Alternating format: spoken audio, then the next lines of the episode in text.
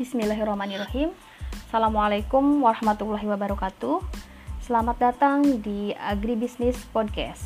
Saya Ibu Suhaini, salah satu dosen dari Fakultas Pertanian Universitas Singapura Bangsa Karawang.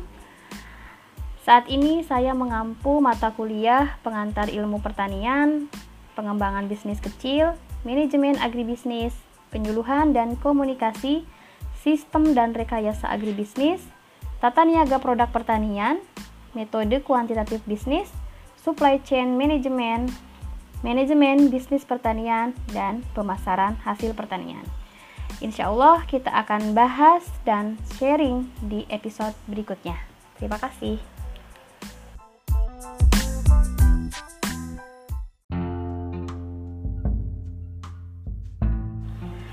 Assalamualaikum warahmatullahi wabarakatuh. E, ketemu lagi dengan saya, Ibu Suhaini, atau lebih e, simpel dipanggil, boleh dipanggil Ibu Heni ya. E, untuk pertemuan pertama kita, saya akan terlebih dahulu menjelaskan secara general ya, secara umum terkait dengan mata kuliah yang Ibu ampu e, mata kuliah ini ibu tidak mengampu sendirian akan tetapi bersama tim teaching ya. Namun sebelumnya ibu ingin sharing terlebih dahulu terkait dengan motivasi belajar kalian apalagi dalam kondisi pandemi COVID-19 yang membuat sulit semua orang gitu. E, tidak hanya mahasiswanya tapi juga e, dosennya juga cukup kerepotan gitu ya. Uh, termasuk saya harus berpikir keras bagaimana agar saya bisa menyampaikan materi dan mahasiswa bisa menerimanya dengan baik gitu, tanpa ada kendala dan sebagainya. Tapi memang e, kendala pasti akan selalu ada misal kendala kuota gitu ya kemudian juga sinyal dan sebagainya gitu. Tetapi mudah-mudahan kita bisa menjalaninya. Jadi ini kondisi ini memang uh, kalau kita berpikir secara positif gitu ya banyak hikmah yang bisa kita ambil. Salah satunya ibu jadi belajar banyak metode pembelajaran. Jadi ke depan mungkin nanti tidak hanya lewat Zoom aja gitu ya belajarnya karena memang ya Ibu tahu memang dengan menggunakan Zoom ya cukup membuat kuota mahasiswa juga terkuras ya. Jadi mungkin nanti bisa dikombin, bisa dengan lewat podcast atau mungkin dengan Google Classroom dan sebagainya. Yang pasti eh, materi pembelajaran harus tetap tersampaikan kepada mahasiswa. E, sebenarnya yang membuat sulit pembelajaran daring itu adalah uh, apa namanya peran dosen sebagai pendidik ya. Karena kita tahu bahwa dosen itu tidak hanya sebagai pengajar. Kalau sebagai pengajar mungkin sangat mm, mudah gitu tinggal memberikan uh, materi. Dan bahkan materi itu sebenarnya sangat banyak sekali ya di uh, Google.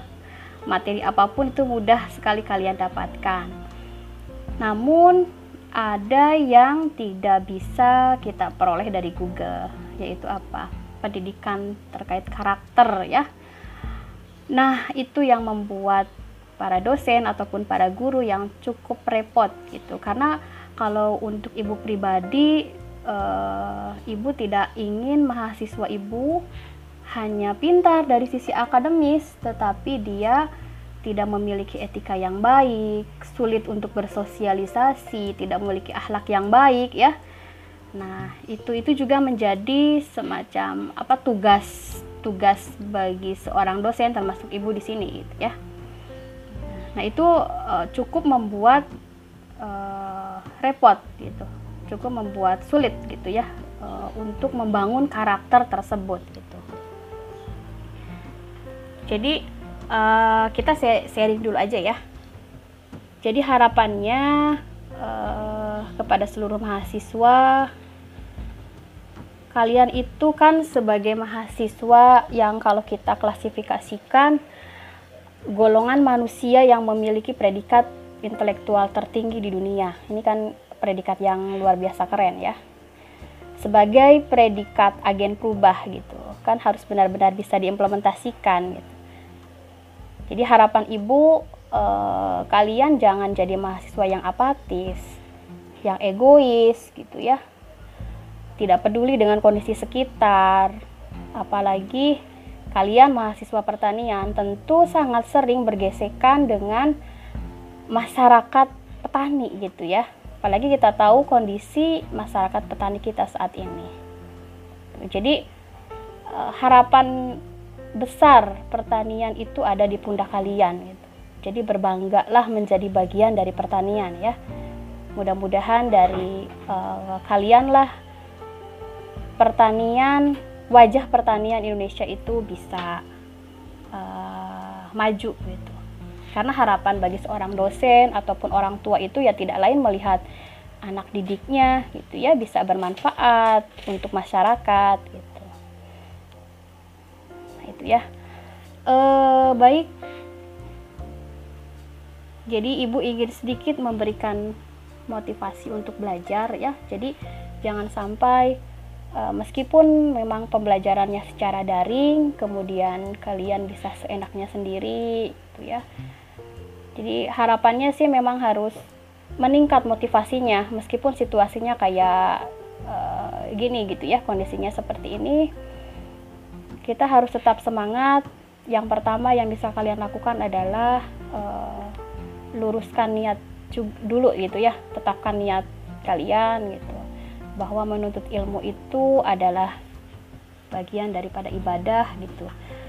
Itu karena hmm, ketika tujuan atau niat kita seperti itu insya Allah nanti akan mudah dalam menjalaninya gitu ya.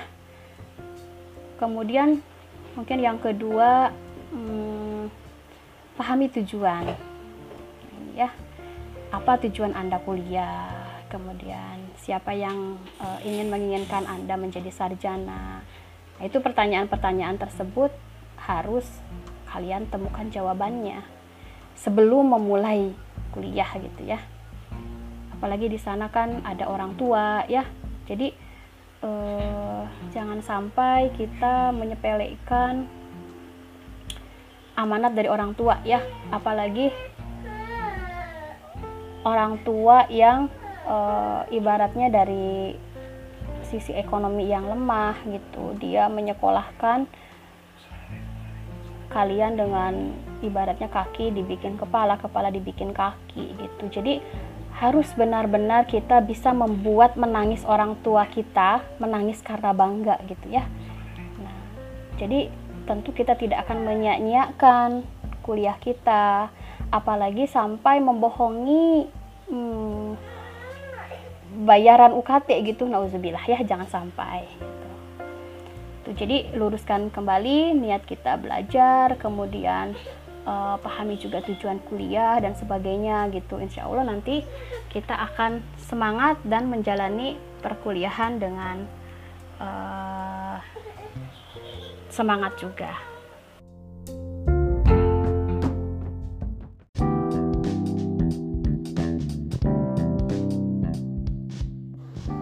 selanjutnya Ibu akan menjelaskan terkait dengan RPS ya. Jadi RPS ini penting sebelum perkuliahan dimulai.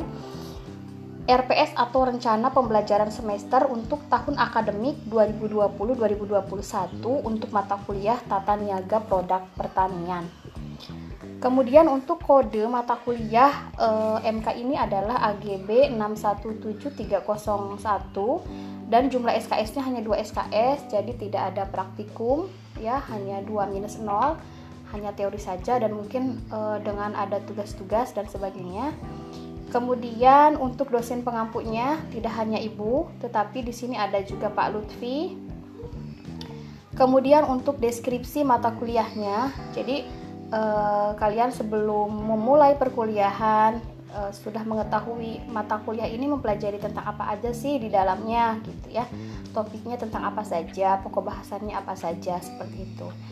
Kurang lebih ibu gambarkan deskripsi mata kuliah ini membahas tentang arti kemudian ruang lingkup peranan fungsi pendekatan studi serta karakteristik produk dan produksi pertanian. Membahas juga terkait dengan saluran dan lembaga pemasaran, struktur pasar, harga untuk produk-produk pertanian. Kemudian juga mengkaji terkait margin dan juga efisiensi pemasaran. Membahas permintaan dan penawaran produk-produk pertanian, alat-alat analisis pemasaran, uh, per segala permasalahan tentang pemasaran di produk pertanian serta pemasaran dan perdagangan di tingkat global atau internasional. Nah, itu kurang lebih deskripsi dari mata kuliah ini. Kemudian ada capaian pembelajaran yang diharapkan jadi, mahasiswa setelah mengikuti atau menyelesaikan mata kuliah ini diharapkan yang pertama mampu menelaah pentingnya berpikir dan bertindak strategis e, dalam pemasaran atau tata niaga dari produk pertanian. Kemudian yang kedua mampu menghitung dan menganalisis pemasaran atau tata niaga pertanian. Yang ketiga mampu menjelaskan tentang semua permasalahan dan e, mengetahui bagaimana cara memperbaikinya. Kemudian yang keempat, mampu mengaplikasikan ilmu e, pemasaran atau tata niaga baik di tingkat lokal, nasional maupun internasional. Nah, kemudian selanjutnya e, terkait dengan pertemuan e, nanti dalam satu semester ke depan. Jadi nanti akan dibagi dua. Saya nanti akan membahas di e, sebelum UTS, kemudian nanti Pak Lutfi membahas uh, di setelah UTS ya. Untuk pertemuan satu ini hanya pengantar perkuliahan saja, jadi ibu hanya menjelaskan uh, gambaran dari mata kuliah ini, kemudian FS seperti apa dan sebagainya. Kemudian yang kedua uh, membahas terkait dengan arti, ruang lingkup, peranan, fungsi, pendekatan studi serta karakteristik produk dan produksi pertanian. Nanti sub pokok bahasannya e, menjelaskan tentang pengertian dasar dari pemasaran, e, kemudian beberapa pendekatan untuk mempelajari pemasaran, karakteristik dari produk dan produksi pertanian. Karena kita tahu bahwa produk atau produksi pertanian itu unik ya, e, berbeda dengan produk ataupun produksi di luar pertanian. Nah itu pertemuan satu, e, pertemuan dua ya. Kemudian pertemuan tiga membahas terkait saluran dan lembaga e, pemasaran. Pertemuan keempat membahas tentang struktur pasar hasil-hasil pertanian. Nanti akan dibahas terkait dengan persaingan dalam e, pasar pertanian, kemudian model-model persaingan pasar dan sebagainya. Pertemuan yang kelima membahas harga-harga hasil pertanian faktor-faktor yang mempengaruhi harga-harga hasil pertanian itu apa saja? Kemudian e, membahas terkait dengan variasi harga-harga hasil pertanian. Harga-harga hasil pertanian e, dan pendapatan petani nanti dibahas di, di pertemuan kelima. Nah pertemuan keenam dan ketujuh ini membahas terkait dengan margin biaya dan efisiensi pemasaran. Jadi di sini di pertemuan 67 kita akan e, menghitung ya, menghitung dari margin dan juga bagaimana menghitung efisiensi dari pemasarannya. Nah, itu pertemuan 1 sampai 7 nanti akan diisi oleh e, Ibu ya. E, kemudian perlu kalian ketahui, jadi sebenarnya meskipun belajar e, secara online atau daring ini itu bukan berarti memindahkan perkuliahan ketika tatap muka ya dipindahkan ke uh, pembelajaran Zoom gitu. Jadi sebenarnya untuk metodenya itu bisa bervariasi ya. Apakah misalkan contohnya ibu sekarang menggunakan podcast, mungkin juga ibu menggunakan Zoom atau mungkin up, ibu upload YouTube materinya atau mungkin uh, bentuknya diskusi gitu ya. Jadi tidak semuanya nanti ibu yang harus menjelaskan gitu. Jadi tetap partisipasi dari mahasiswa juga uh, harus ada gitu ya. Uh, kemudian Ibu lanjutkan di pertemuan 9 dan 10 ini setelah UTS ya membahas terkait dengan permintaan dan penawaran hasil pertanian. Nah, ini nanti membahas terkait dengan permintaan hasil-hasil per, e, pertanian, penawaran hasil-hasil pertanian dan penerapan teori permintaan dan penawaran pada komoditas pertanian. Kemudian yang ke-11 ini membahas terkait eh, alat-alat analisis dari tata niaga sederhana. Nah, yang nanti akan dibahas terkait indeks harga, alat-alat analisis pasar dan harga dan sebagainya. Dan pertemuan 12-13 ini membahas terkait problematika atau segala macam permasalahan di bidang pemasaran yang dihadapi petani, eh, petani selaku produsen dan beberapa pelaku usaha serta bagaimana untuk memperbaikinya. Nah, nanti di pertemuan 12-13 ini akan dijelaskan tentang karakteristik permasalahan dari e, tata niaga atau pemasaran pertanian di negara-negara berkembang. E, jadi nanti akan diberikan contoh atau studi kasus ya. Kemudian juga e, membahas terkait dengan beberapa cara perbaikan pemasaran oleh petani maupun oleh para pelaku pemasaran lainnya. Dan dibahas terkait dengan peranan pemerintah dalam pemasaran hasil-hasil pertanian.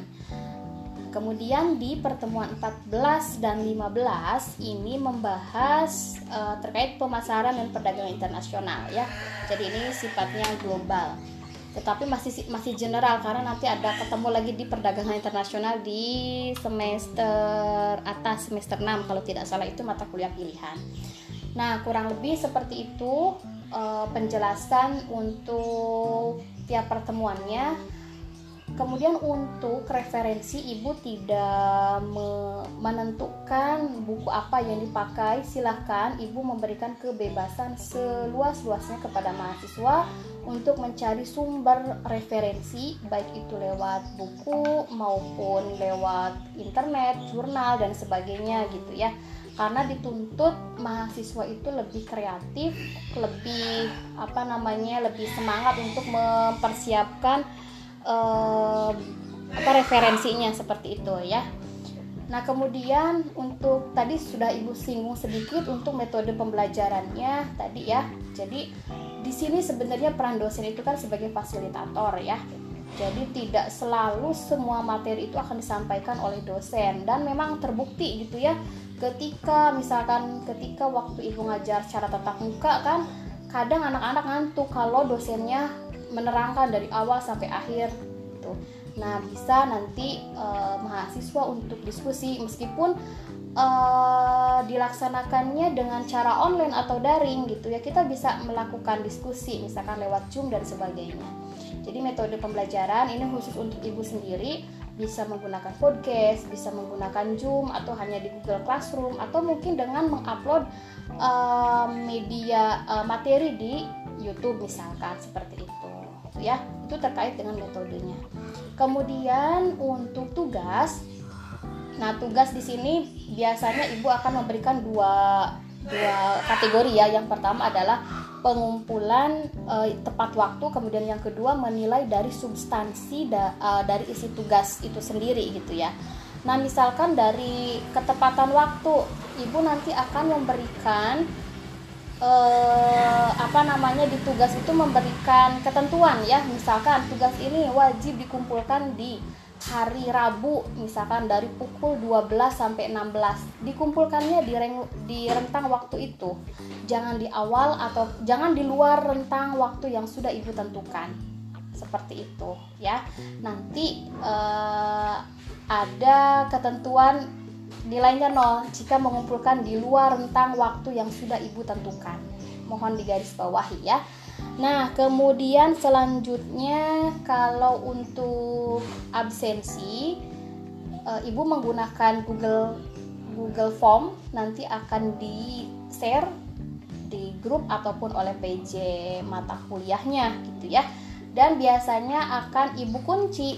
Misalkan hanya memberikan waktu 20 menit misal pembelajaran dimulai dari pukul uh, ini contoh aja misalkan dimulai pukul 12.30 maka ditambah 20 menit berarti sekitar 12.40 gitu ya. Atau ibu ngasih toleransi sampai jam 1 misalkan. Nah nanti akan ada ketentuan seperti itu. Kenapa dilakukan uh, seperti itu? Agar mahasiswa juga bisa belajar untuk lebih menghargai waktu meskipun kondisi pembelajaran kita secara daring itu seperti itu ya. Nah kemudian apalagi ya untuk pengantar perkuliahan? Ya, uh, kurang lebih seperti itulah ya untuk pengantar ibu tidak akan uh, belum masuk ke uh, materi. Nanti di pertemuan selanjutnya kita sudah mulai membahas materi dari uh, rencana yang sudah dibuat ya. Kadang memang RPS juga kan sebenarnya tidak tidak permanen seperti itu. Bisa berubah-berubah menyesuaikan dengan waktu menyesuaikan dengan kondisi dan sebagainya. Tetapi tidak akan jauh dari apa yang sudah direncanakan dalam RPS tersebut. Kalau uh, ada pertanyaan ataupun hal-hal yang kurang dipahami kalian bisa menanyakan langsung via grup yang sudah dibuat ataupun misalkan malu bertanya di grup boleh e, wapri ke ibu gitu ya bertanya secara personal ke ibu nanti ibu akan e, coba menjawab satu persatu gitu. jika misalkan kok ibu nggak dibalas-balas mungkin kelewat pesannya boleh diulang kirim pesannya atau diingatkan gitu ya karena untuk mata kuliah untuk semester ini ibu mem, mengajar cukup banyak maka ibu mensiasatinya ada yang di podcast ada yang ini gitu. Karena kalau semuanya pakai zoom itu banyak yang bentrok gitu ya. Kebayang ibu misalkan ngajar satu hari itu nyampe 6 kelas. Kalau lewat zoom itu itu luar biasa kan? Uh, lumayan besar gitu. Maka disiasatinya mungkin ada yang lewat podcast ada yang uh, materinya diupload di YouTube misalkan gitu. Yang terpenting sih uh, materi pembelajaran tersampaikan dan kalian paham gitu. Ya intinya kan seperti itu. Mungkin itu saja uh, nanti kita ketemu di episode episode berikutnya. Terima kasih. Wassalamualaikum warahmatullahi wabarakatuh